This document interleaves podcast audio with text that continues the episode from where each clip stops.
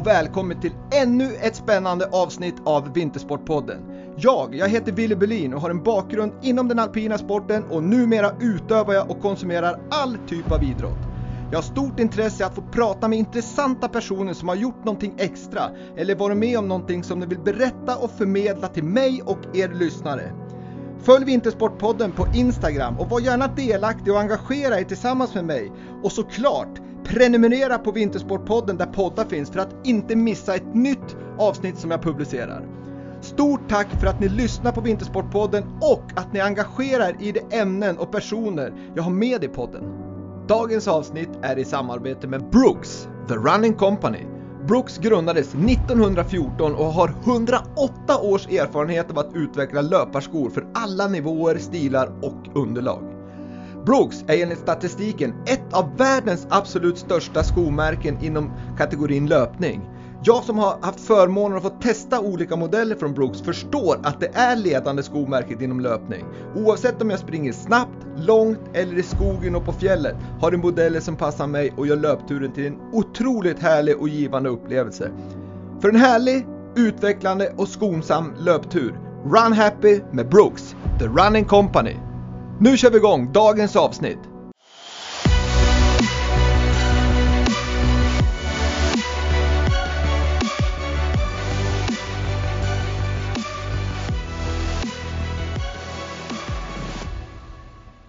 Dagens gäst i Vintersportpodden, idrottspsykologen som har lång erfarenhet och är en, en av Sveriges mest meriterade i ämnet psykisk ohälsa och prestationskultur. Varmt välkommen till Vintersportpodden, Anders Ekstrand. Stort tack, stort tack.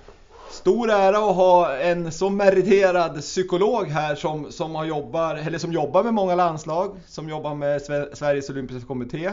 Ja. Eh, det är ju ett ämne som är väldigt viktigt och det är ett ämne som går framåt, eh, det vill säga att det, är ändå mer okej okay nu än vad det var för 15 år sedan att prata om psykisk ohälsa. Mm. Så det är bra, men det är inte, vi är inte framme än. Nej. Vi har en bit kvar. Absolut. Eh, jag tänker så här Anders, att normalt sett, eller normalt sett, har jag en som har vunnit 100 guldmedaljer på VM, då kan man ju dra massa, massa priser och så vidare. Men jag tror att i det här avsnittet så låter vi dig berätta själv vem du är med bakgrunden, varför hamnar du mot psykologi kopplat till idrott. Eh, och så sen ska vi gå in då senare i avsnittet på psykisk ohälsa, framförallt inom idrotten. Yes. Det Kanon! Toppen. Låter det bra? Absolut. Härligt, då kör vi. Ja. Då får du köra igång Anders. Ja, nej men min bakgrund är, eh, jag, jag tävlade i friåkning, eller så här extremskidåkning då. Eh, för alldeles för länge sedan. Eh, och det var väl framförallt fascinationen av rädsla som jag gick igång på i, den idrotten. Hur det kommer sig att jag tog mig an vissa svårigheter på berget på ett sätt och mina kompisar på ett annat sätt. Så det blev min ingång till psykologin kan man säga. Eh, och, eh, så att jag sökte mig till psykologen då, eh, i Uppsala, läste där i fem år. Eh, och sen så tappade jag idrotten eh, ett par år. Jag blev fascinerad över eh, liksom, ja, psykologisk behandling. Hur man hjälper människor som har det tufft och historierna bakom och, och hur man kan, ja, hantverket helt enkelt. Och sen så eh, ja, sen eh, läste jag en idrottspsykologikurs på GH och kom in i, i, eh, i eh, RF-nätverket där på, mm. på elit, eliten. Då. RF Elit. Och jobbade med olika landslag och olika elitidrottare. Och för mig var det väldigt, ja, det var väl en lurighet i att enbart hålla sig till den prestationspsykologiska delen av en eh, elitidrottares liv och karriär. Och, och eh, jag kunde se liksom att eh, belastningarna för, kan vara väldigt, väldigt stora och svårigheterna för en elitidrottare en elitidrottares liv. Så jag intresserade mig av just den delen, liksom, att, att det var svårt att hålla mig till liksom, tävlingsarenan och, mm. och sådär. Mm. Så att klurade med, med Göran Kente bland annat om det här och eh, för sju år sedan så var jag med och startade mottagningen för Elitidrott och hälsa då. Mm. Eh, Riddargatan 1 som då var världsunik kan man säga. Det fanns ingen eh, elitidrottsmottagning, alltså en, en mottagning för psykiatrisk problematik för just elitidrottare. Nej, för det finns ju väldigt många elitmottagningar för alltså, fysiska problem och Absolut. träning och, och så vidare. Yes. Ja. Så att, eh, ja, nej, men så att jag var ansvarig för eh, liksom setupen och utvecklingen av den och, och utvärderingen av verksamheten. Och satt där när vi tog emot vår första klient. Men, och så men, men, men det är intressant, innan du går vidare just Ja. på, på klienterna där så, så tänker jag liksom att som friåkare Mm. Där tänker jag, min bild lite grann där som har åkt mycket skidor också själv Ja. är ju liksom att där ska man ju nästan för att liksom komma långt, kanske inte i friåkning men i hoppningen, att man måste nästan lämna skallen uppe på start för att liksom inte tänka konsekvenser. Ja, alltså, alltså kopplat till liksom, friåkning så tycker jag ändå att, eh, att, att just att bedömningskriterierna är ändå anpassade för kontroll. Liksom. Du ska göra svåra saker och, och det är väl det som är det sjuka när man ser de här åka och, och när man åkte själv. Liksom, att, att det var ändå inom någon slags liksom, eh, inte bekvämlighetszon men kompetenszon för att kunna få bäst liksom, eh, kriterier eller bäst eh, resultat. Då. Ehm, Så att ja, det finns ju en noggrannhet i det som man Verkligen. kanske inte kan uppfatta. Liksom en kompetens som, som, man, som man utifrån sett inte kan se. Och det Nej. tänker jag med samma sak med Big Air. Liksom, att, att du har inte råd med hjärnskakningar och du har inte råd med, du måste veta exakt vad du ska göra. Jag tror att bilden för gemene man är lite som så att, att ja, men det är crazy killar Ja. och tjejer som bara slänger sig ut och så gör de då. Men det är som du säger, det är ju extrem noggrannhet och speciellt kanske freeski på berg. Ja. När, när du liksom åker eh, i superbranta backar och, och mellan klippor och så vidare så då är det ju extremt viktigt. Ja. Och där är det väldigt kul med forskningen som har, eh, när jag åkte så var det ju det här eh, ja, men point break och det var adrenaline junkie och allt det där. Och jag, jag kunde aldrig identifiera mig med det. Mm. Men det man ser nu då, när man intervjuar liksom basehoppare eller liksom extremsportsutövare, är att det är komponenten av kontroll som, som är liksom, det är tjusningen. Att, att kunna bemästra de här jättesvåra miljöerna på det är inte liksom själva adrenalinet utan mest kompetensen i att kunna bemästra det som verkar vara tjusningen. Ja, spännande, förlåt. spännande bakgrund. Men, men, men hur, hur du, du, du, gick ju psykologprogrammet i Uppsala. Ja. Eh, och du kom in mot eh, idrott och du startade den här unika kliniken då. För, första egentligen kli- kliniken för psykisk elitidrottsmottagning. Psykisk ohälsa, precis. psykisk Ja, o- ja. Psykiatrisk problematik helt enkelt. Yes. Ja, och, och den ledde sen då till att du började jobba med en hel del landslag och att du sen kom in mot SOK. Ja, alltså jag hade redan innan dess börjat jobba jobbade med, med, med längdlandslaget, utvecklingslandslaget där i två år. Så jag, jag var liksom inne i liksom landslagssvängen även innan dess då. Mm, Så, att, så att, ja, jag jobbade på båda ställena, både prestation och eh, psykisk ohälsa.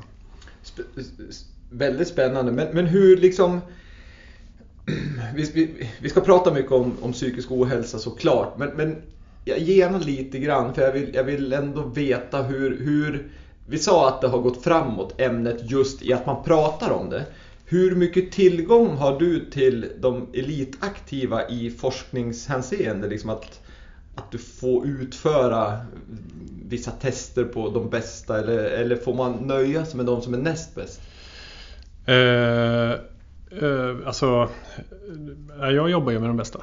Eh, så. Ja. Och, och kriterierna för att komma till mottagningen då, det var ju landslag, landslagsaktiva. Eh, Så att, eh, eh, och utifrån testning så handlade det om att, att i, det här psykisk ohälsa eh, liksom, eh, problematiken att diagnostisera, att, att förstå vad, vad det är för någonting.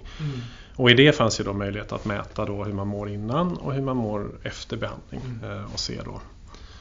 Jag tänker på forskning som finns då kring Ja. psykisk ohälsa. Är det liksom är det en generell forskning eller är det olika beroende på om man är icke elitaktiv eller om man är elitaktiv? Ja men det där, det där är spännande och det har hänt jättemycket de senaste åren. När vi startade mottagningen då var liksom forskningsfrågeställningen det var så här hur, vi vet inte. Hur ser det ut hos eh, elitaktiva? Har de mer eller har de mindre psykisk ohälsa? Eh, är de supermänniskor på det här spåret? Man visste, vi visste ingenting. Och sen så här sju år senare så har det ju kommit jättestora så här reviews då och eh, någon, eh, men liksom där resultaten är väldigt humana. Liksom. Det, det ser ungefär likadant ut mm. bland de elitaktiva mm. som i, i normalpopulationen. Förutom ätstörningar då, eh, som är mer frekvent inom elitidrotten. Ja, och det, ja, det kan man ju som förstå jo. På sätt och vis. Men, men jag, jag, jag läste någonstans att det här var inom fotbollen och så var det ju typ 20% som på något vis hade eh, någon form av psykisk ohälsa. Ja precis, alltså det där är lite lurigt. Jag tänker att alltså just, ja precis, och det, det, låter rimligt. Mm. Ehm, sen eh, måste man vara lite liksom nypa salt. Det finns lite så 45% inom vissa studier som, som eh, med att elitaktiva som har så pass hög frekvens. Men, men då får man ju särskilja mellan enkätstudie då, liksom, där man skattar eh, ångest, och, liksom, ångest och depressionssymptom. Då. Mm. Och då kommer man upp i de liksom, siffrorna. Och sen så får man ju då titta lite kring hur det ser ut kring de som blivit diagnostiserade och verkligen man vet att det är där. Eh, och eh, ja. För sen är det ju liksom jag skulle tro svaret, jag vet nog svaret på den här frågan men jag ställer den ändå att, att enligt liksom gjord forskning så kan man ju säga att samhället i stort så är det ungefär liksom 20-30% av befolkningen som drabbas av depression någon gång i livet. Ja. Den borde, nu är det en ledande fråga här, borde vara högre inom idrotten. Ja, forskning säger att det är ungefär samma. Ja, det är så? Ja. Ja, det är så generellt? Ja. Okej. Okay. Ja. Tycker du det känns rimligt? Eh, Eller är du förvånad? Eh, jag tycker att det känns rimligt att det är ungefär samma. Mm. Jag tycker att det känns rimligt, absolut. Ja men vad bra Anders, det var en liten snabbare bakgrund men då vet vi alla att du är psykolog, du har startat en eh, idrottspsykologisk mottagning för psykisk ohälsa vilket är unikt och du har själv varit, om man säger lite aktiv inom, inom freeskiing då. Så att eh, det finns tydliga kopplingar till idrotten. Ja. Går vi in på ämnet psykisk ohälsa då så, så tycker jag att vi kan börja med egentligen att ställa frågan Eh, för det första så, så, är det så mycket, mycket lättare att någon stukar foten, någon bryter benet, då sluter alla upp. Både laget, ledare, föräldrar, allihopa dras dit och man ja, plåstrar om den här och skickar den på sjukhus och, och, och, så blir det åtgärdat. Och man följer upp det kanske till och med och, och frågar hur det gick med den där foten eller benet. När det gäller psykisk ohälsa så, så, är det ju inte lika lätt. För det första ser man det inte lika lätt. Eh, för det andra så är många, ska jag säga, obekväm med att prata kring ämnet psykisk ohälsa. Och då är det nästan så, det blir tvärtom. Att då flyr folk och tittar ner i backen och, och, och liksom inte ställer så mycket mer frågor. Men hur, hur skulle du säga, liksom, utifrån din erfarenhet, att i en förening och, och som ledare eller förälder? Hur, hur, kan man fånga upp just det här problemet hos, hos yngre individer? För är man äldre på landslagsnivå då finns det resurser men i en förening har man ju inte samma möjligheter. Har du någon sån här, jag förstår att det inte finns någon generallösning men har du någon? Jo, det finns en generallösning och det, det är våga fråga. Eh, ja. Våga, eh, våga fråga, våga låta en en misstanke blir en omtanke. Eh, och, och, och, men det, det, kan ju vara väldigt läskigt. För man vet liksom inte riktigt vad man får och, och sådär och, och vad, som, vad man möts av. Men om det är en generallösning så, så är det det. Vi vet som sagt att, att eh, det är lika mycket förekomst eh, hos idrottare som utanför. Vi vet att elitidrottare har högre stigma för att söka hjälp. Bland, alltså av, av massa olika anledningar. Eh, och vi vet att tidig upptäckt är en superbra faktor för att vi psykologer ska kunna få bra behandlingsresultat. Eh, så att, eh, och, och så här ser det ut. Och, och, och om, om, man tänker sig att, att man tar, tar, sig, tar med sig de här fakta till en förening så, så ska vi inte sörja utan vi ska organisera oss kring det här. Mm. Och då är det just att skapa en eh, kultur där vi, där vi tar hand om varandra. Vi, är det någon som faller så, så har vi koll på honom. Mm. Eller henne då. Och vi vågar fråga liksom hur det ser ut. Men vad som kan vara viktigt då är ju också att ha en strategi för eh, omhändertagande. Då, så att man har en backup. Man kanske har någon eh, kontakt etablerad på skol, skolan med skolkuratorn eller på BUP eller, eller ja, det finns ju sådana här Krymen eller Prata Mer eller mm. sådana aktörer. Så man, så man vet att att man kan hänvisa till. Precis, för att det är ju liksom i en förening många gånger. Har man tur så har man ju en sån som dig som är förälder i föreningen. Ja. Och, och man kan liksom hjälpas åt så. Men, men så lyxigt har ju inte allihopa. Och där tror jag det är viktigt liksom för, för att det här är komplexa frågor. Det är liksom både det här psykisk ohälsa som är kopplat lite till ätstörningar också får man ändå säga. Absolut. Så är det ju lite fel att, att en lekman ska börja liksom laborera med det här för det kan ju få ganska tråkiga konsekvenser. Ja, absolut. Eh, Och eh, två aspekter på den. Att, att tränaren eller ledaren eh, i, i klubbar och sådär, föreningar, de har ju en jättestor liksom, liksom, kompetensprofil på något sätt. Vad man önskar att de kunde. Eh, och om man kan på det psykiska, liksom, psykiska delen kapa den till att ja, men din, din kompetens ska handla om att upptäcka. Alltså våga fråga. Liksom. Och, och, så att om man ser någon hänga med huvudet så går man dit. Och gör man inte det så skapar man en kultur kring att det ska vara, vi, vi, vi låtsas inte om det där utan vi, vi tar inte det. Liksom. Eh, och då brukar jag ta den här analogin med den här stukade foten. Liksom, att, att en tränare som, som ser en person stu, liksom, stuka sin fot och inte går dit och frågar. Eh, det, det skapas en, en, en förståelse för att man, man pratar inte så mycket om stukade fötter på det här stället. Mm. Utan vi, vi linkar vidare här Mm. och, och alla ser det, inte bara den stukade utan, utan alla runt omkring i laget. Och sen så har vi, har vi en kultur kopplat till det. Eh, Så det, det är väl ett, en, en sån sak som, som, eh, som skapar stigma till exempel. Att, att man har blivit kanske bemött på det sättet. Eh, Och, å andra sidan så finns det andra avarten på något sätt att tränaren går in och ja, i det här fallet då börjar operera. Mm. Eh, Skit, liksom, ja, operera och ta fram kniven och se till att tar över psykologens jobb. Så att, så att, att, att klargöra och rama in den eh, rollen hos tränaren och sen så säkerställa backup någonstans på stan. Då. Ja precis. Det är för, för det, är ju, det är ju svårt också för jag ska inte säga att det är så generellt sett kanske men, men, men många tycker jag, i alla fall svenskar så frågar man hur är det? Jo det är bra säger man. Liksom bara, man, gör, man säger att det är bra och Ja. säger någon att nej det är åt helvete. Ja, Då, då blir det liksom som, "Ah, hur, hur tar vi hand om det här nu? Men där måste man väl också som ledare att du ser att någon, du misstänker att någon inte mår så bra, du frågar och du får svaret, nej men det är bra. mm. Då måste man nog följa upp det lite grann och, och liksom fortsätta fråga. ja absolut. Ja. absolut. Ja, det är viktigt, det är jättesvårt och det är svårt men det är som du säger att det är faktiskt inte svårare än att man frågar. För, för det är väl det som är liksom, problemet, att man inte gör det.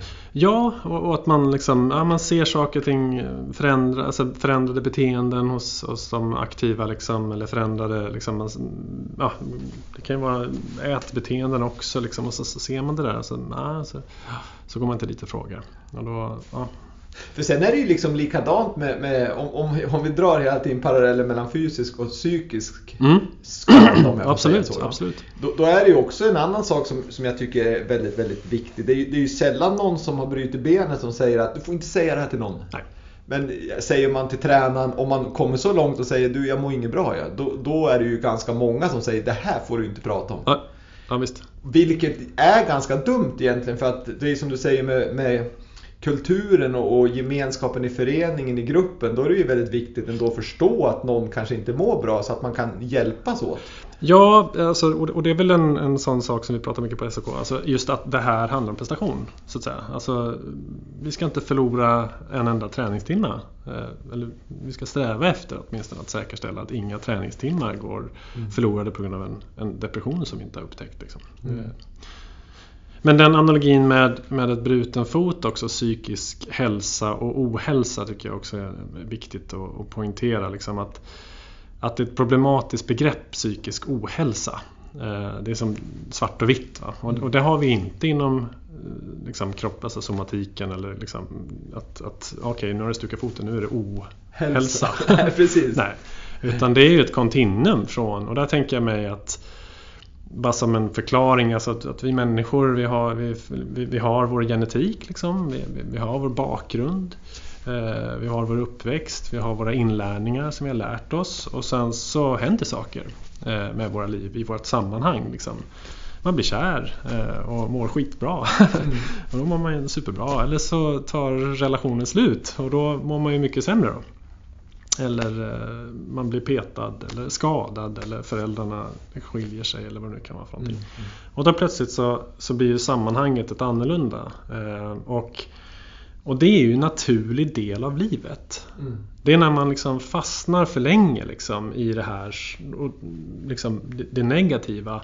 Då har vi någonstans dragit ett, ett godtyckligt streck där i sand, liksom, sanden på något sätt. Och här kallar vi liksom, här- är klinisk romantik som vi kallar det. Liksom. Här, är, här, är, här är en depression. Då ska man ha varit nedstämd i, i två veckor i sträck till exempel. Va? Eh, Men jag tycker att det är viktigt att, att poängtera att, att vi glider in och ur här liksom, eh, som människor. För, för, för det är funktionellt. Det är bra att må lite dåligt om ens sammanhang inte lirar med det sammanhang man skulle vilja ha. Nej men och, ja precis, för det är ju, det är ju inte... Det, återigen, kopplingen, det är ju inte toppform jämt fysiskt heller. Nej, Och, och jag tror att topparna kanske blir bättre om man har lite dalar också så att man vet vad, Ja. vart man vill och att, hur, hur det känns då. Liksom. ja. Nej, men det, jag tror att det är ganska bra och, och också liksom på något vis, nu ska jag inte säga att man ska gå runt och må dåligt bara därför, men, men jag tror att många föreställer sig att man dag ut och dag in, 24 timmar per dygn, alla veckor på året och dygn per år, per år, så ska man må toppen när allt är frid och fröjd. Men jag tror det är nog få som har det så. Absolut. Och ett, ja, nej men verkligen. Vi har en kultur som ja, Instagram och bilderna. Man man lägger inte upp deppbilder så ofta utan det är ju de här lyckliga ögonblicken såklart. Och en kultur som, som föder den där perfektionistiska liksom, Lyckoidealen liksom, på något sätt. Intressant. Eh, nu, nu, nu kommer vi väl kanske lite utanför ämnet men ändå inte. För jag, jag tänker, du, du, du säger själv sociala medier eh, som är väldigt, väldigt positivt i många, många hänseenden. Men, men jag tänker just de du jobbar med, elitidrottarna. De, de är ju till mångt och mycket jag ska säga beroende av sociala medier för det är lite grann det de lever på. Att, att de får pengar om de lägger upp eh, bilder på det de är sponsrade av och, och liksom hej och Men samtidigt kan jag tänka mig att det är någonting som också, eh, inte skälper men, men som inte hjälper dem rent mentalt. Ja, det finns ju massa riskfaktorer liksom, faktorer eller, eller fallgropar i det där eh, som, som är en del av den där. Alltså, hatkommentarer kan ju komma av liksom, oväntade framgångar också. Och bara att, att liksom, som, som lovande junior så plötsligt slår man igenom så, så får man massa skit liksom, av, Ja. av outgrundlig anledning. Bara det är ju, är ju tufft liksom, och en erfarenhet att lära sig att skaffa sig strategier för. Liksom. Men hur hanterar du det då som, som mental rådgivare eller vad psykolog? Ja, man måste göra en analys på vad som, alltså just den, den liksom åkaren eller vad, vad det nu är, hur, hur den uppfattar situationen. Ja. Eh, och sen så får man väl hitta ett förhållningssätt till att acceptera att det, det kommer vara sådär. Liksom. Eh, Skit i läs, inte just de delarna liksom. och, och att, att det är del av eh, ditt liksom, ja, eh, vad ska man säga, mediala intryck liksom, som skapas av Nej, för det är ju på något vis, om en person inte störs av det, Ja. då ska man ju inte heller göra någon grej av det kanske. Att, att liksom, nu, nu har vi ett problem. Nej, men det är inget problem. Nej, Utan jag mår ganska bra av Ja. det här. Och sen kan man ju alltid som skita och läsa Ja. alla kommentarer. För det, det kommer ju förr eller senare om du är offentlig person. Så och jag tänker det. att det är en erfarenhetsdel också. Att, att ofta så är ju de som är, mer, liksom, har fler år eh, i rampljuset mer luttrade. Verkligen. såklart, och mer Så erfarenhet. Så är det. Men icke desto mindre så kan ju det också, alltså så här uttagningssituationer naturligtvis. Alltså det kan ju bli jättehett liksom, och, och, och tufft att hantera. Både för den som inte kommer med men kanske den som prioriteras då. Mm, verkligen. Alltså verkligen. Och, För det finns ju båda sidor på det myntet. Ja, verkligen. Absolut. Absolut. verkligen. Ja, det är, det är en komplex situation. Det är ju, och, och, och som sagt var, om, om vi nu är vi inne lite mer kanske på elitidrott, just de som, som, som är, har många följare och så vidare. Men, men, men det är ju... Det, du sa det tidigare att en ledare i en förening har ju ett enorm arbetsbeskrivning. Alltså de ska i princip kunna ortopeder, Ja. kirurger, Ja. de ska vara psykologer, de ska kunna träna. Och liksom det är allting, Ja. hela spektrat. Men, men det är väl kanske en utav få saker som man inte behöver utbildning för att bli. Det är klubbledare, för all, det finns så få av dem just nu i alla fall. Ja. Så att är det någon som räcker upp handen så varsågod, kör bara. Ja. Men sen kommer kraven, så att det är ju lite orättvist också. Ja. Ja men verkligen. Och, och alltså eh, att det är ju prestationspsykologi i allt. Så att säga. Även knattefotbollen är ju någon mån hur en ledare relaterar till matchsituationer eller liksom missade möjligheter eller missade passningar. Det är ju prestationspsykologi i det också. Liksom. Ja, så att, så att. Ja men absolut och, och där leder ju du in mig på ett, på ett ämne som vi skulle kunna prata väldigt, väldigt länge om. För det här hade jag faktiskt inte tänkt prata om men jag, jag ska dra det ändå. Det är ju just det du säger med, med knattefotboll eller knatteskidåkning eller knattehockey eller vad vi nu än pratar om. Så, så, så har man ju nu i Sverige i alla fall vad jag vet, sen vet jag inte hur det ser ut internationellt, men, men i Sverige har man ju som tagit bort tabeller, man får inte räkna mål, man får inte säga vem som gjorde mål och så vidare. Och, och hur, hur, ser du på det kopplat till, till din liksom, kompetens? Är det, är det ungarna som är problemet eller är det föräldrarna som är problemet? Och ledare? Alltså det där, alltså om man tänker sig, ja det där är en jättestor fråga som vi skulle kunna prata länge om såklart. Jag tänker det beror ju på vad man vill förstärka eh, och vad man vill eh, ha för riktning i sin förening och sin idrott. Och då tänker jag eh, om utveckling är, är det vi ska sträva efter. Ja men då är det ju det vi ska förstärka och titta på och, och, och verkligen uppmärksamma. Mm. Och då kanske resultatfokus blir, blir, tar överhanden i allt för unga år. Ja, Ja men det, det, är så, det, det är ju Samtidigt är det lite hårfint för tittar man på ungarna, de vet allt. De vet vem som gör mål, de vet hur många mål det är, de vet hur många matcher de har vunnit.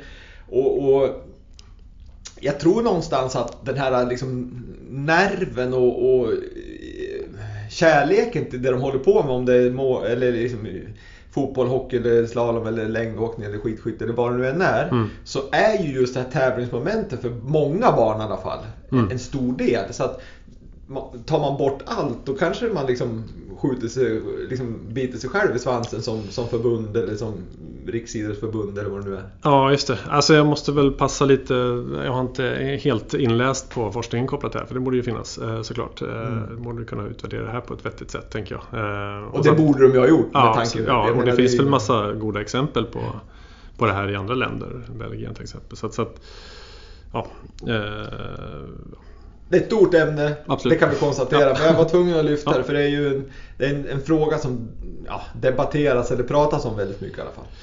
Men, men, men, men, om, man, men om man ändå liksom prestationspsykologiskt alltså ändå poängterar vikten av alltså utveckling och, och att, ska, alltså att, att prestera. Liksom, så, så är då det det fyller ju en, en, funktion att ta bort resultatdelen. Även om de har koll på det naturligtvis. Mm. Och sen när man är 12 år så är det väl... Då ja, då släpper de. Släpper börjar, så, ja. att jag menar, det är inte många år som, som försvinner, tänker jag. Nej. Där man kan då foka på, på eh, utveckling och, och lärandet egentligen. Du nämner ett ord här. Jag nämner också ett ord ganska ofta och det är prestera. Mm. Och det, det är liksom skulle du fråga tio olika personer vad prestera är så jag tror ändå inte kanske att du skulle få jättemånga olika svar. För att prestera för många, det är om man får säga lyckas. Det kan vara att göra mål, vinna matchen, vinna tävlingen eller klättra kanon mycket i karriären på ett jobb. Mm. Men, men tänker man efter så är ju prestera, det kan ju vara någonting annat också. Du kan ju komma sist. Men du har presterat bäst ändå för att utvecklas mest på ett år. Ser du det så eller, eh, hur ser en psykolog på ordet prestera? Eh, ja, det var en bra fråga. Alltså jag tänker att man måste skilja på resultat och prestation kanske. Eh, att, att, att definiera vart man vill någonstans som människa eller som idrottare. Men att, och då är ju resultatmålen bra att ha på sikt så att säga. Men att Eh, resultat som ett mått på att prestera är ju, är ju väldigt trubbigt. Mm. Eh, utan då är det ju bättre att ha prestationsrelaterade mål för att mäta sin utveckling. Och, och där tycker jag, det, tycker jag det är viktigt just det här med, med ledare i en förening. Att, att det är ju lätt hänt att Nisse och Kajsa som, som vinner och gör flest mål, att de, liksom, det är de som presterar bäst. Men, men där ska man ju nog vända på det och säga, vem, det kanske är Nisse och Lisa som har gått fram mest, som har utvecklats ja. mest. Och där har vi ju en jätteprestation, eller som våga åka ner för den här branta backen. Eller ja. Absolut, absolut. Men det tror jag är ganska viktigt för man, man fokar ju ofta på just resultatet. Ja, och det är ju, alltså, och då handlar det väl om fysisk utveckling Mm. alltså, som, som skapar förutsättningarna. Liksom. Eh, och, och, att, eh, och där vet vi ju att vi är väldigt, väldigt dåliga på att selektera talanger till exempel. Utan det är ju fysisk utveckling i olika faser. Jag där pratade jag med en tidigare, i- för ett tag sedan i, i Vintersportpodden, en som heter Christer Malm Mm. från Umeå. Han, han är ju just inne på det där med talanger och att det är ju, han hävdar ju att det är omöjligt att, att säga vem som är talang och inte när man är Mm. 11, 12, Ja. 13 år. För det, det händer så mycket liksom både fysiskt och psykiskt Mm. senare i åldrarna Mm. som, som påverkar det här. Så att, och det tycker jag han har helt rätt i faktiskt. Ja. Och därmed är det ju svårt att göra de här selekteringarna för tidigt. Ja. Eh, Med tidiga akademier, att du ska vara med i lag 1 bara för att du är så himla... Du gör många mål när du är 10 år. Ja, precis. Det blir ju ganska snett. Ja. Men, men eh, samhället i stort så ökar ju psykisk ohälsa. Jag kan inte forskningen men, men om jag lyssnar på, på TV och, och radio och, och följer liksom debatten så, så kan man väl säga att psykisk ohälsa ökar i samhället i stort. Ja, gör det? Eller, eller ja, det har, ja, det kanske gör. Eh, Jag vet inte, nej. det kanske inte ökar men, men i och med att man börjar prata om det så Ja. kommer det ju fram mer. Sen kanske det inte är fler fall än vad det var för Nej, 20 år precis. sedan. Nej. Det vet man ju inte. Nej, precis. Ja, men det är väl ingen jätteökning men... Men, eh, Men kan man se att det är samma linje, du var inne på det tidigare, inom idrotten eller har idrotten i och med att det kanske har ändrats, om du jämför idrotten nu och för 20 år sedan, så har det ju blivit liksom mer med mer allvar tycker jag i alla fall, liksom att det är tidigare liksom att man ska, man kan inte hålla på med fler idrotter, det är ganska tidigt att man måste specialisera sig och, och därmed kanske ställs högre krav också. Har det, finns det någon koppling där att, att eh, psykisk ohälsa har, har eh, ökat mer inom idrotten? Alltså vi har inte data på det, Nej. skulle jag säga. Eh, För vi har inte undersökt det sambandet. Eh, Men, men det, det är återigen, det, det är svårt att, att, kan jag tänka mig att mäta det här för att börjar man prata om någonting, ja, då är det klart att det ökar liksom. Ja, nej men sannolikt, alltså, sannolikt. Alltså jag tänker att, att eh, om man tänker sig den här liksom, alltså, biosociala sårbarhetsmodellen, att vi har med oss det vi har och sen så har vi belastningar. Och sen så hur eh, vår genetik och vår liksom, inlärning lirar med belastningar och vilka typer av copingstrategier vi har för belastningarna så kan vi ändå, då skulle vi kunna konstatera med ditt resonemang att, att ja, men, eh, liksom, belastningarna har ökat. Då. Mm, mm. Och det låter ju rimligt, Mm. absolut. Ja, härligt Anders. Eh, vi går vidare här med, med lite grann om vi kommer in på individer som, som om jag får säga drabbas, det låter lite hemskt, men som, som har någon form av psykisk ohälsa. Kan man, kan man se att det är någon typ av individ eller någon som kommer från någon speciell miljö som, som, som har psykisk ohälsa? Det är svårt alltså, skulle jag säga. Eh, utan, eh, utan att veta. Alltså man skulle väl kunna titta det på då vad man har för anamnes. Liksom. Har, man, har man en lång karriär? Av, eller har man, har man haft psykisk ohälsa under yngre år då? Då är det väl högre sannolikhet att man har det. Men jag skulle inte säga att det är... Liksom, ja. Men, men vad kommer egentligen, vad är det som utlöses? Att vissa får psykisk ohälsa och vissa andra får inte det? Nej, men jag tror att det just, eller jag tänker att det är just kombinationen av eh, genetik, vad man har med sig Mm. eh, för predispositioner och sen så hur man har lärt sig att ta hand om, om, om svårigheter eller, eller relatera till sig själv eller relatera till sitt eget värde eh, genom uppväxten, mamma och pappa Eh, till exempel som läromästare. Och sen så kommer det situationer då som, eh, som eh, gör att man tvingas använda sig av de här copingstrategierna. Och eh, om inte det funkar då, om inte de är funktionella, då, då kan det bli knasigt. Då. Mm. Jag tänker ja, men perfektion till exempel. Att man har lärt sig att, att prestation är sjukt viktigt. Liksom. När man kom hem med, med teckningen så var det teckningen som sattes upp på väggen och så glömdes, eh, glömdes barnet bort. Då. Eh, och så lär man sig det. Liksom. Man lär sig att, att det gäller att prestera, prestera, prestera, prestera. Eh, och det är ju superbra som elitidrottare, perfektion. Liksom. Men det kan då bli då i en mer pressad situation där det är mer, liksom, mer press så blir det inte riktigt funktionellt. Alltså en misslyckad prestation går ut över nästa dags träning eller Mm. måendet i stort om man isolerar sig. Så. Och då blir, inte, då blir det här per, perfektionsdrivet som ändå är en, en förutsättning för att bli riktigt, riktigt bra naturligtvis. Det, det blir inte funktionellt då. Nej, och det där är ju det, det, det, är så, det, det är så kul det du säger för att det är ju många gånger om det är en teckning eller om det är om en tjej eller en kille kommer hem och så frågar morfar eller mormor eller farmor eller farfar eller mamma och pappa hur, gick det idag? Ja. Ja, det gick bra. Hur många mål Ja. gjorde du? Ja, jag gjorde ett. Ja. Gjorde du bara ett? Ja, liksom. Det, det är sällan den här frågan kommer, liksom, strunta i det, hade du roligt, vad var det som var kul och så vidare. Så att, jag tror också att, att man lär sig liksom just eh, den där delen, att man är, man är bra om man har gjort mål eller man har gjort en fin teckning. Ja. Nej men så länge du inte spöar upp dem så borde det vara. Ja. Nej. Men, men ehm,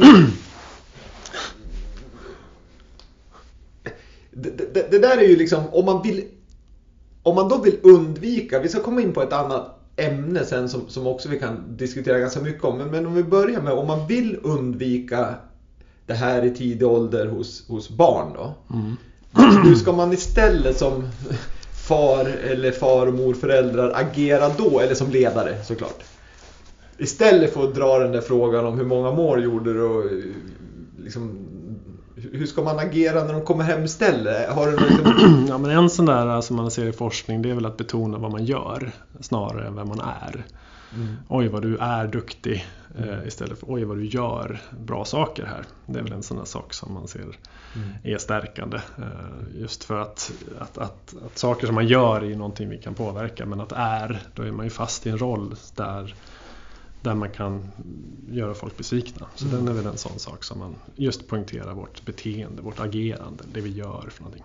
Och den är bra han tror jag. För det, det, där, tänker man inte på det där så, så, så kan man ju tycka att det är bara, ja, ja, ja, det är bara ord det där. Men, men Ja. sätter du ner och funderar på Ja. vad du säger nu, då, då är det verkligen väldigt, väldigt viktigt hur man kommunicerar. Ja, ja men du, shit vilken grym talang du är. Mm. Eller ja men du, du har grym eh, liksom, eh, passningsskicklighet här och du, ja, du dribblar bra och Ja. gör sådana saker och du kan utveckla det. Liksom, ja. För att ja, hamna med talangbegreppet i famnen blir ju, det kan ju bli jättesvårt ju. Ja, den kan vara ganska jobbig. När de andra kommer ikapp en fysiologiskt då, och, Ja, och växer ja. ikapp en. Liksom. Nej, det är, jobb, det är jobbigt att, att bära den på axeln. Ja, ja. Så är man talang när man är 30 också. Liksom. Ska man hantera det då? Men, men då, då kommer vi in på, vi pratade om det tidigare, just det här med prestationen och, och att man är kanske prestationen. Och, och då finns det ju liksom två uttryck som, som många har svårt att hålla isär. Eh, inklusive mig själv har haft i alla fall. Jag tycker att jag har blivit bättre på det. Men det är ju självförtroende och självkänsla. Ja, jag, jag, jag kan inte. Du har inte svaret. Nej, jag har ingen koll på Men- de två alltså. nej, jag tycker de är jättesvåra. Ja, Ja, supersvårt. Men jag, jag, liksom, när jag sätter mig och funderar på det här, då, då kan jag ändå känna så här att en idrottare som är grym, de har ju oftast väldigt bra självförtroende. Mm. Men jag tänker någonstans att självkänslan är ju många gånger kanske inte så bra för att en grym idrottare, de kanske drivs av att de är så bra för att de hela tiden måste prestera för att få den bekräftelsen. Mm. Hur, hur upplever du det där i, i det, liksom, de du möter och, och din, liksom, med din erfarenhet? Ja, nej men jag, jag passar mig för de där två begreppen för att jag tycker att de är så pass knepiga liksom. Jag, jag, jag fattar inte själv liksom alltid vad det är. Men däremot så kan man ju problematisera det eller, eller göra, eller ta det till eh, vad vad man gör, alltså återigen agerandet, vad man gör. Så här, om du hade supermycket självförtroende eller självkänsla eller vad man nu, vad hade du gjort då? Liksom? Men om man tittar då på istället på för att liksom skapa eller försöka skapa de här begreppen eller försöka skapa förståelse för att känna de här sakerna. Istället då titta på vad är det för saker du kan göra för att, att bli mer, alltså så här, göra det du vill göra Mm. som människa. Vad vill du för någonting med din idrott? Liksom? Ja, men du vill prestera bättre och utvecklas. Liksom. Och, eh, ja, och, och hur, hur, vad är det för hinder då som, som gör för dig att du inte kan utvecklas i enlighet med det du vill göra för någonting. mm. Och då kan vi börja, då kan vi börja analysera det Mm. och titta på det. Liksom, vad, ja, men, jag vet inte varför jag ham- hamnar i fotbollsliknelse här, men, men efter en passning liksom, som gått fel, vad, vad gör du då? Liksom? Eh, vad händer då i skallen etc. Och då kan vi plötsligt applicera liksom, eh, alltså, principer som vi kan se snarare än ja, men han, han, han pallar inte förtrycket för han har dåligt självförtroende eller självkänsla. Men om, om du kan hitta en beteendestrategi för ett misslyckande, ja men det är bara upp med huvudet och springa vidare, gör din löpning. Ja men du, du, du, får gärna, du får gärna ha tvivel på ditt självförtroende och självkänsla så länge du gör din löpning efter ett misstag. Då plötsligt har vi mycket mer konkreta verktyg än att försöka definiera de här begreppen. Verktygen är ju intressant för att jag misstänker att den här personen som har gjort den här felpassningen och så har, har man en strategi att upp med huvudet, spring vidare, ta nästa liksom boll eller vad det nu är. Ja.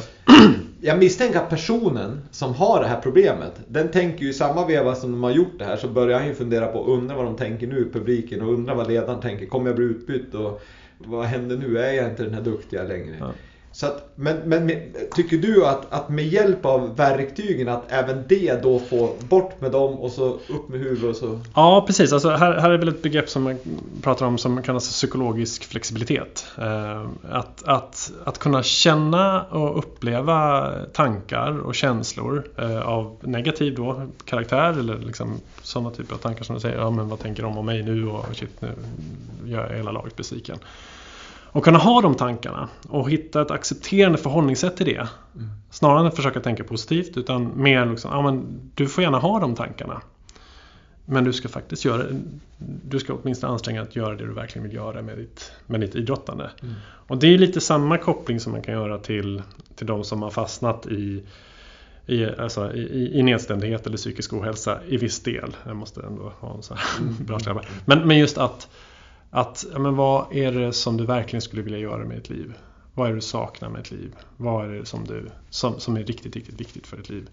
Och vad är det för hindrande tankar, allt som oftast känslor eller rädslor som hindrar dig? Och hur kan man då hitta ett, liksom ett förhållningssätt där det där är del av dig som människa? Att du kommer tänka negativt i den här passningssituationen. Mm. Du kommer tänka negativt när du ska försöka söka upp de här kompisarna som du inte har ringt på ett tag. Liksom. Eh, och gör det ändå. Liksom. Ja, just att ha just det där, hur, tänker jag nu, ha verktyget att, att ändå göra det fast det finns Ja, någon rädsla eller hinder. ja. Att, att, eh, och och det är väl också de här apropå liksom, tidiga idrottspsykologi. Att, att, att, att tänka positivt är, är svårt. För vi är människor. Mm. Vi, är, vi ska inte det alla gånger. För det är tuffa situationer. Så vi, Precis, och, och vi, ska, vi ska efter det här så ska vi prata lite grann om just Dels re, hur du jobbar, liksom, hur du jobbar med dina liksom, klient, eller vad, vad kallar du klienter? Eller klienter, ja. patienter? Ja. Ja. jag vet. Men hur du jobbar rent så här, dels re, rehabmässigt med de som har ett problem men även de som inte har ett problem att det inte inträffar. Då. Mm. Det är liksom en del. Men innan, innan vi går in på det så, så tycker jag att det är väldigt, väldigt viktigt att prata om, om en sak som jag liksom känner liksom lite skeptisk till och, och jag tror mer än, fler än jag gör det. Och det är just det där med att, att man kan läsa mycket på sociala medier, man kan läsa böcker och ja, Folk säger på utbildningar och ledarskapsutbildningar och så vidare att man ska leva i nuet, man ska gå utanför boxen, man ska skita i vad andra tycker och man ska bara göra si och man ska bara göra så. Eh, och det tror jag nästan alla känner att det är logiskt, så ska det vara. Men hur, hur får vi ändå det här från att det är fina ord och klyschor till att bli liksom verklighet? Liksom? När du är ändå är inne i den där jäkla tankesnurran. Ja, eh, eh, det, är också en väldigt, väldigt bra fråga eh, och som, som ja, behövs kluras på. Jag tänker att de här självhjälpsböckerna och klyschorna och att man ska välja att vara lycklig och, och sådana saker. Att, att dels finns det en kommersiell marknad för det. Mm. Folk Carpe köper det. Man vill ha eh, de där enkla svaren. Ja. Eh, men tyvärr så är vi människor alldeles för komplexa för det. Eh, och, och det vet vi från forskning kring sådana här typer av självhjälpsböcker att de kan vara liksom skälpande. Liksom. Att, att metoder som man trodde tidigare kring att stå i spegeln och, och säga till sig själv att man är stark kan i själva verket då bli tvärtom. För det funkar inte. Och så känner man sig dålig för att det inte funkar. Och så har man hört... Ja, det blir dubbeleffekt. Ja, absolut, det blir supernegativt. Jag känner inte mig stark trots att jag stått där i tio timmar framför spegeln. Liksom. Och det här är inte länge sedan det här var liksom, ja men, eh, ja men, ja, vad ska man säga, prestationspsykologiska liksom, alltså prestationspsykologer som sa det här. Liksom. Det, det, är det här vi ska jobba med. Så att eh, Tillbaka till frågan där. Vad sa vi för någonting? Jo, att klyschor är jäkligt luriga. Mm. Eh, och klyschor är svåra. Och jag menar, bara, att, bara klyschan vi ska leva i nuet. Alltså våran hjärna är absolut inte programmerad för att leva i nuet. Den hjärnan ska ha örnkoll på faror liksom, för det är stenåldershjärnan. Den ska inte sitta där och softa i en mindfulness eh, lotusställning liksom, eh, på savannen utan den ska vara örnkoll på vart lejonen fanns och vart liksom bären fanns och om hungern, hungern kommer, nöden kommer. För det har ju inte hjärnan den har ju inte utvecklats egentligen någonting. Nej. Trots att samhälle är ju liksom, det går inte ens att... Nej precis. Så att i så fall om man ska jobba med just, just att leva i nuet så, så, så finns det ju en, alltså det finns ju eh, en strategi kring att öva upp din möjlighet i att fokusera här och nu. Det vill säga att, och, och då, då blir det ju plötsligt lite mer som en, en, någon slags verktyg här. Att, att att kunna öva upp förmågan att upptäcka när hjärnan håller på att oroa sig om saker eller älta gammalt förflutet. Det kan man, det kan man göra.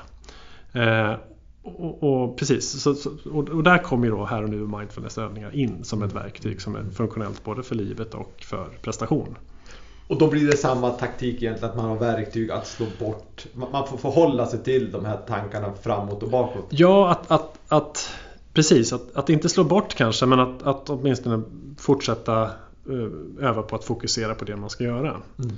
Och därmed också sagt, återigen för att vi är människor liksom, och vi känner saker och vi är, vi är komplexa och sådär. Att, att må dåligt handlar ju också om att, att allt som oftast är ju någonting som är dåligt. Alltså det, det är relevant att känna sorg, eh, ledsamhet, nedstämdhet om ens föräldrar har skilt sig. Det är relevant att, att deppa ihop efter att man blir skadad och, och OS försvinner iväg från, från horisonten. Liksom. Det, man ska må dåligt. Liksom. Ja. Det, det, är och, och konstigt med Nej men precis och det är där liksom de här självhjälpsböckerna kommer in. Men tänk positivt och, och här och nu och allt sånt där. Ja, det, det, det, blir, det, det, är inte lätt alltså. Det är Nej, inte lätt vara människa då alltså. alltså det, det är det som jag inte, ja. det, det jag inte får ihop liksom. Nej. det är ju omöjligt att ja. ens tänka tanken och, och, Ja. Och då blir det ju också en kamp där liksom. Ja men fastän du, du mår dåligt på grund av relevanta orsaker. Och sen så läser du en självhjälpsbok som säger att du inte ska må... Det blir så här fel fokus. Ja men shit jag måste tänka positivt och tänka i nuet där samtidigt som... Ja men det finns ju fan det kanske finns lite svar här. Mm. Det finns lite grejer här som kanske måste möbleras om i, i, i ett livskontext. Eller och, det, och det är mer så du jobbar egentligen, att försöka titta på de här liksom, det som finns i den här boxen. Att, att ja, som du säger, möblera om det så att det blir någonting hanterbart. Absolut, absolut. Mm. absolut. Nej, men det, det, alltså, det där tycker jag är så liksom fascinerande att, att man liksom man ska prata med någon och så börjar man läsa om massa sådana här liksom, ja, mentala rådgivare som säger det ena och det tredje. Och det är som du säger, det finns en kommersiell marknad och, och det är ju liksom de här böckerna som säger det vi har pratat om. Och, och, och det är klart att ja, det är, det är ju det är så, så som, det, som det är. Men jag tycker det låter mer realistiskt det du är inne på. För att jag, jag, kan inte begripa om någon mår så himla himla dåligt att man bara helt plötsligt ska börja kunna tänka liksom. Nej, och, och det är väl där forskningen kommer in. Mm. Eh, att, att vi har data på att, att just sådana metoder kanske inte funkar alla gånger utan, utan vi har bättre metoder för det här. KBT till exempel eller ACT eh, som, som har bättre behandlingsresultat just. Mm. Mm. Och då, då är det det vi ska jobba med. Och det är ju inget konstigt, återigen. Nej. Det här är ju liksom precis som inom det fysiska. Ja. Där finns ju Absolut. också en massa sådana här i, i kvällstidningar, massa program Ja, ja. som är ditten och datten, går ner 30 kilo på två veckor. Och så finns det vetenskapliga saker som, som säger någonting. Och det är ju likadant här såklart. Så att det är inget konstigt med det. Men nu när vi ändå är inne på just behandling Mm. så kan jag ju tänka mig att du träffar ju i, i, i landslagen och på Svenska Olymp- eh, Sveriges Olympiska Kommitté så träffar ju naturligtvis du individer som har problem men även individer som inte har problem. Mm. Hur, hur, om vi börjar med de här som har problem, hur, hur jobbar du liksom så här i vardagen? För att det jag, min erfarenhet det är ju liksom att man nu mår jag dåligt och så jobbar man och så tar man fem samtal och så Mm. sen ska det vara bra. Mm. Medans det fattar ju vem som helst. Man kan inte köra biceps curls fem gånger och sen vara stark resten av livet. Utan det är ju si så många gånger i veckan man måste göra det för att utveckla muskeln och, och bibehålla och även bli starkare. Och, och jag misstänker att får vi in det här i den dagliga träningen? Känner du? Mm. Mental träning alltså. Ja, just det. Nej, men om man börjar med psykisk ohälsa sp- spåret då liksom. Att, att, att en, en, idrottare kommer till mig. eh, Så eh, då, då handlar det om att utreda eh, först och bedöma. Vad är det här för någonting? Och diagnostisera liksom. Är det en ätstörning? Är det en, liksom, en tvångssyndrom? Eller är det panikångest? Eller depression? Eller utmattning? Eller någonting. Och utifrån den diagnosen då så har vi olika liksom, behandlingsupplägg som, som vi, vi är forskade och, och, och som funkar allt som oftast. Liksom. Eh, och då, då jobbar man igenom det. Eh, och eh, före och efter så, så har vi liksom skattningsformulär som vi mäter. Liksom, eh, så, så att vi kan se att en depression går över till exempel. Eh, Men det gör du parallellt med om du säger den vanliga fysiska träningen. Absolut, Ja. alltså det beror ju lite, ja precis, det beror ju på vad det är för någonting så att säga. Alltså, eh, en depression till exempel, då, eh, alltså, allt som oftast har man ju då isolerat sig socialt, Mm. gett upp saker som har varit viktiga för en eh, för att man känner ett undvikande för att ja, man hamnar i en negativ spiral kopplat till undvikanden och, och negativa tankar. Och då måste man bryta den genom att aktivera sig och, och komma i, i små steg tillbaka till det liv som man tyckte om och hade. Då. Eh, och då blir ju träningen naturligtvis en superviktig del. Eh, så, och apropå tidig upptäckt då. Eh, har vi en depression som har gått så långt så att man på den här nivån har slutat träna. Ja, då är det ju ja, då är det, då är det väldigt långt gånget. Men kan man då få tillgång, eller alltså att den här idrottaren får, får, får tillgång till ja, någon som är då, eller psykolog. Så innan man har gått så långt så att man mår så dåligt så man inte kan ta sig till sin träning. Då, är det super, alltså, då har vi ju tjänat jätte, jättemycket tid och jätte, jättemycket träning. Verkligen. Så det är superviktigt. Men, men jag tänker här är det ju intressant för att har du en inflammation i knä då, då kommer ju do, doktorn med en spruta och så kör de in den och sen Ja. är du med på matchen eller tävlingen. Ja.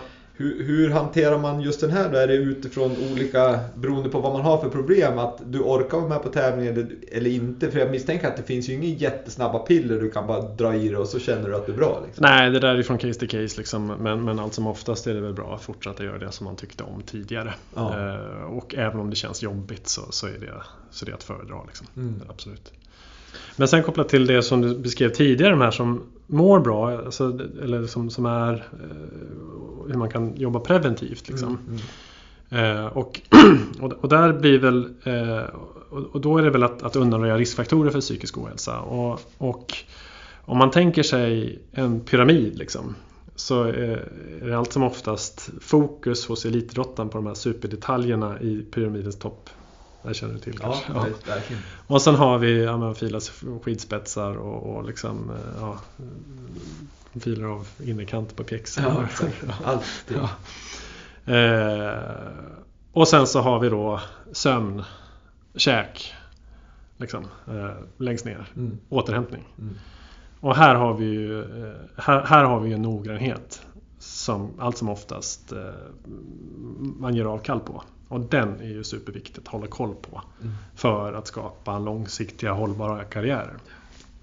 Så att, eh, ja. Men, men där tror jag, där är också lite som, som jag känner att, att man genar lite i den här pyramiden. För någonstans så är det ju inte så jävla mycket värt att stå och slipa det där stavspetsen och, och pjäxan för att inte det ska ta i lite, Ja. lite grann. Ja. det lägger du ner hur mycket tid som helst på. Och så äter du som en kratta och sover som en kratta och Ja. massa andra saker i, ba, i, i botten på den här pyramiden. Ja. Så man, man, det måste man också på något vis utbilda liksom, eh, individerna i och, och, och det är någonstans där också jag tror att många ledare går fel. Att man börjar lite för liksom man- börjar i fel ända på något vis. Att, att man börjar med de här små, små, små detaljerna och det gäller ju även när man pratar teknik med Ja. barn eller vad, vad det nu än är. Man, man måste ju som någonstans hitta grunden Ja, för att kunna göra de här liksom, små justeringarna. sen. absolut, absolut. Ja, men det, det, vi, vi, jag jobbade ju med utvecklingslandslaget i, i längd där i två säsonger. Och då var det väl just den här, ja, men, att gå från de här lovande juniorerna till seniorsteget. Eh, om det var någonting som vi kunde förmedla eller skapa liksom, då, då är ju noggrannhet kring den här basen. Liksom. Mm. Det är där. Och det kan ju vara väldigt utifrån, alltså bara ja, men, se till att väskan är packad på rätt sätt inför läger. Liksom. Alltså det, och det har jätteeffekt liksom, på prestationen för att du kommer, ja du vet, liksom, du slipper hålla på och slarva med Ja, kompisarnas eh, ja, strumpor. Liksom. Utan, men bara en sån grej, så här, men hur gör man så en checklista du- där liksom? Ja, sen för att känner komma du dig trygg om, om du har liksom Ja, ja, ja. Ja men nu vet jag att jag har Ja. allting med mig, det är ordning och reda. Ja. Då känner jag mig trygg. Absolut. Än att komma, fan, undrar har jag med mig fartdräkt? Ja, ja, hur var det här. Så att, men den noggrannheten är ju super. Där finns det ju mycket och noggrannhet kring käk. Liksom. Det, Mm. det, det ska, kolhydraterna ska in. Liksom. Men hur, i uppdraget på Sveriges Olympiska Kommitté då? Har du liksom eh, för det första så, jag misstänker ju på, på SOK då, Sveriges Olympiska Kommitté, där har du ju naturligtvis resurserna. För du har ju blivit liksom intagen för att jobba med den här biten. Men, men känner du att du får bra respons från förbunden som är kopplad mot SOK eh, just i de här frågorna och, och, och att du verkligen får jobba med det? Tar de det på allvar liksom? Menar, Även de som inte mår dåligt tänker jag. Ja, just det. Eh, alltså, jag tycker att med utgångspunkten från eh, hur, hur forskningen ser ut kring det här med tidig upptäckt och, och, och, och liksom inte gå miste om träning så tycker jag att, eh, att vi, vi har någonting bra på gång i att verkligen hörsamma tidig upptäckt för att för att, ha, alltså, för att de här topp och talangidrottarna ska må så bra som möjligt och, och kunna prestera så bra som möjligt. Det, det, det, är ju, det är ju viktigt för att det läggs ju ner ganska mycket pengar från olika håll. Inte bara från SOK utan från samarbetspartners, Ja. från skidtillverkare, Ja. skotillverkare och så vidare. Och då är det viktigt som sagt var att, att inte sumpa träning. Nej, absolut. För att man Absolut. Ja. inte liksom Ja. mår bra.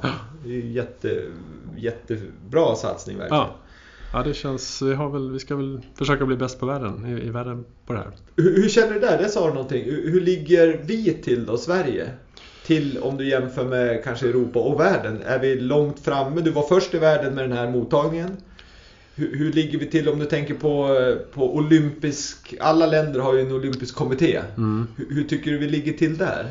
Jag har inte riktigt örnkoll på alla länder exakt hur de ser ut. Eh, Jag vet, Norge har ju kommit, de är ju långt framme, eh, Mm. absolut. Eh, Olympiatoppen där med ätstörningsprevention och sådär. Men, men eh, nej, jag kan inte recensera, men jag tror att vi ligger rätt bra till.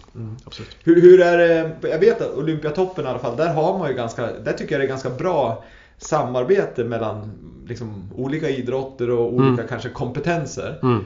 Tycker du att, att det är det på SOK? Att ni, du har bra liksom, dialog med fysiologer och Absolut. fystränare och hej och hå? Liksom, Absolut. Så att ni får ihop hela liksom, Ja, helheten? alltså, alltså att, att eh, och, det, och det, det är väl någonting som jag eh, driver på tycker jag. Alltså att, att, att ta eh, ett OS-guld är sjukt komplext. Det är Mm. extremt komplext. Eh, Och det, det är fruktansvärt svårt.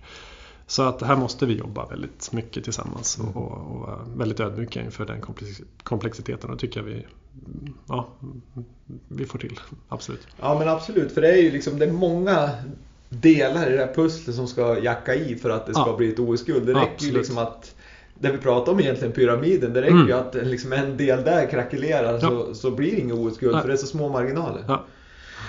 Men du, vi ska börja eh, avrunda här för nu har vi pratat ganska länge, snart en timme och det har varit liksom, det är ett eh, både viktigt ämne men fantastiskt intressant som jag, som många andra ämnen jag pratar om, skulle kunna babbla på jätte, jättelänge om verkligen. Men hur tycker du liksom vi var inne på det lite tidigare, men kulturen inom idrotten, oavsett om det, jag vet inte hur mycket föreningsnära du är så att säga, men hur, hur ser du ändå på kulturen kring det här? Vi var inne och sa att det är lite så här att vi inte vågar prata om det, men går det framåt och, och vad ska vi tänka på som ledare i föreningarna för att få den här kulturen? Ja, alltså jag tänker att, att, att elitidrottare som går ut i sommarprogram och, och media och så mycket som det ändå varit de senaste liksom, 5-6 eh, åren. Då, och den utvecklingen har ju, har ju verkligen eh, skett. Det tänker jag är fantastiskt mm. för just minskandet av stigmat, minskandet av, eller ökandet av hjälpsökande. Så det, det är superbra. Och, och vad det gäller föreningar och, och, och, att skapa kulturer kring det är väl att, att hörsamma att det finns va? Och, och, att skapa en plan för det. Mm. Eh, det tänker jag är, är klokt eh, att ha.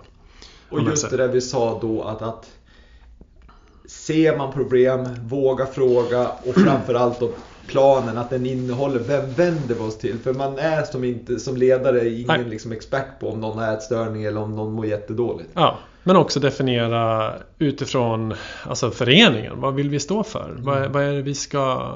Om vi tittar tillbaka på vår tid som styrelseledamöter i den här föreningen. Vad vill vi, vad vill vi att vår historia ska skrivas om oss? Mm. Vad det gäller hur vi har tagit hand om våra ungdomar. Liksom sådär. Och, och att det kan bli en ledstjärna i hur vi agerar och hur vi liksom, ja, bemöter våra ungdomar. Sådär.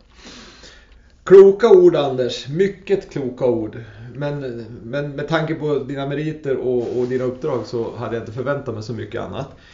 Eh, innan vi tar den här generella frågan som jag ställer till alla i, i podden så ska jag det finns en lyssnarfråga, eller det finns flera, men en, en lyssnarfråga. Vi har varit inne och touchat vid den, men, men det är en svår fråga. Vi kan säkert prata om det i ett enskilt avsnitt, men vi kan ta det lite kortfattat ändå. Och det är ju att det här är ju ingen liksom, det, det, är en mamma som har frågat om sin son som är väldigt liksom duktig i sin idrott. Men, men, när det kommer till tävling så låser det sig och prestationen, om man får säga så, prestationen kopplat till vad den kan. Alltså man ser skillnad på vad den kan och vad den gör på tävling. Och det, det är det jag menar med prestationen, behöver inte vinna men så funderingen hos den här mamman är ju vad, vad kan man göra i tidig ålder här hos den här individen för att liksom komma ifrån att den ska ha prestationsångest vid tävling? Det beror ju på lite vad, vilken ålder såklart mm. eh, och eh, eh, vilka möjligheter man har. Men det låter ju som att eh, han behöver lite hjälp här mm. i att hitta strategier för eh, hur han då värderar sig själv eh, med eller utan prestation. För att skapa den här flexibiliteten kopplat till då de tankarna kring rädsla låter det som mm. för vad som händer om man underpresterar. Hur ska han, hur ska han ta, ta hand om det? Vad ska han göra efter att han har underpresterat? Och eh, där är det väl att, att ja, beroende på lite vilken ålder han är då, eh, kanske ta och hjälp eh, mm. och snacka med någon. Och då är det egentligen, vad ska jag säga, det, det, är svårt med sådana problem att gå kanske till hälsocentralen eller något, utan då måste man ju som till en klinik typ som till... Ja, Prata Mera Sport finns ju. Det finns ju eh, RF-nätverket har väl idrottspsykologiska rådgivare. Det beror ju på vilken, återigen, vilken nivå man är på. Då. Mm. Uh, absolut.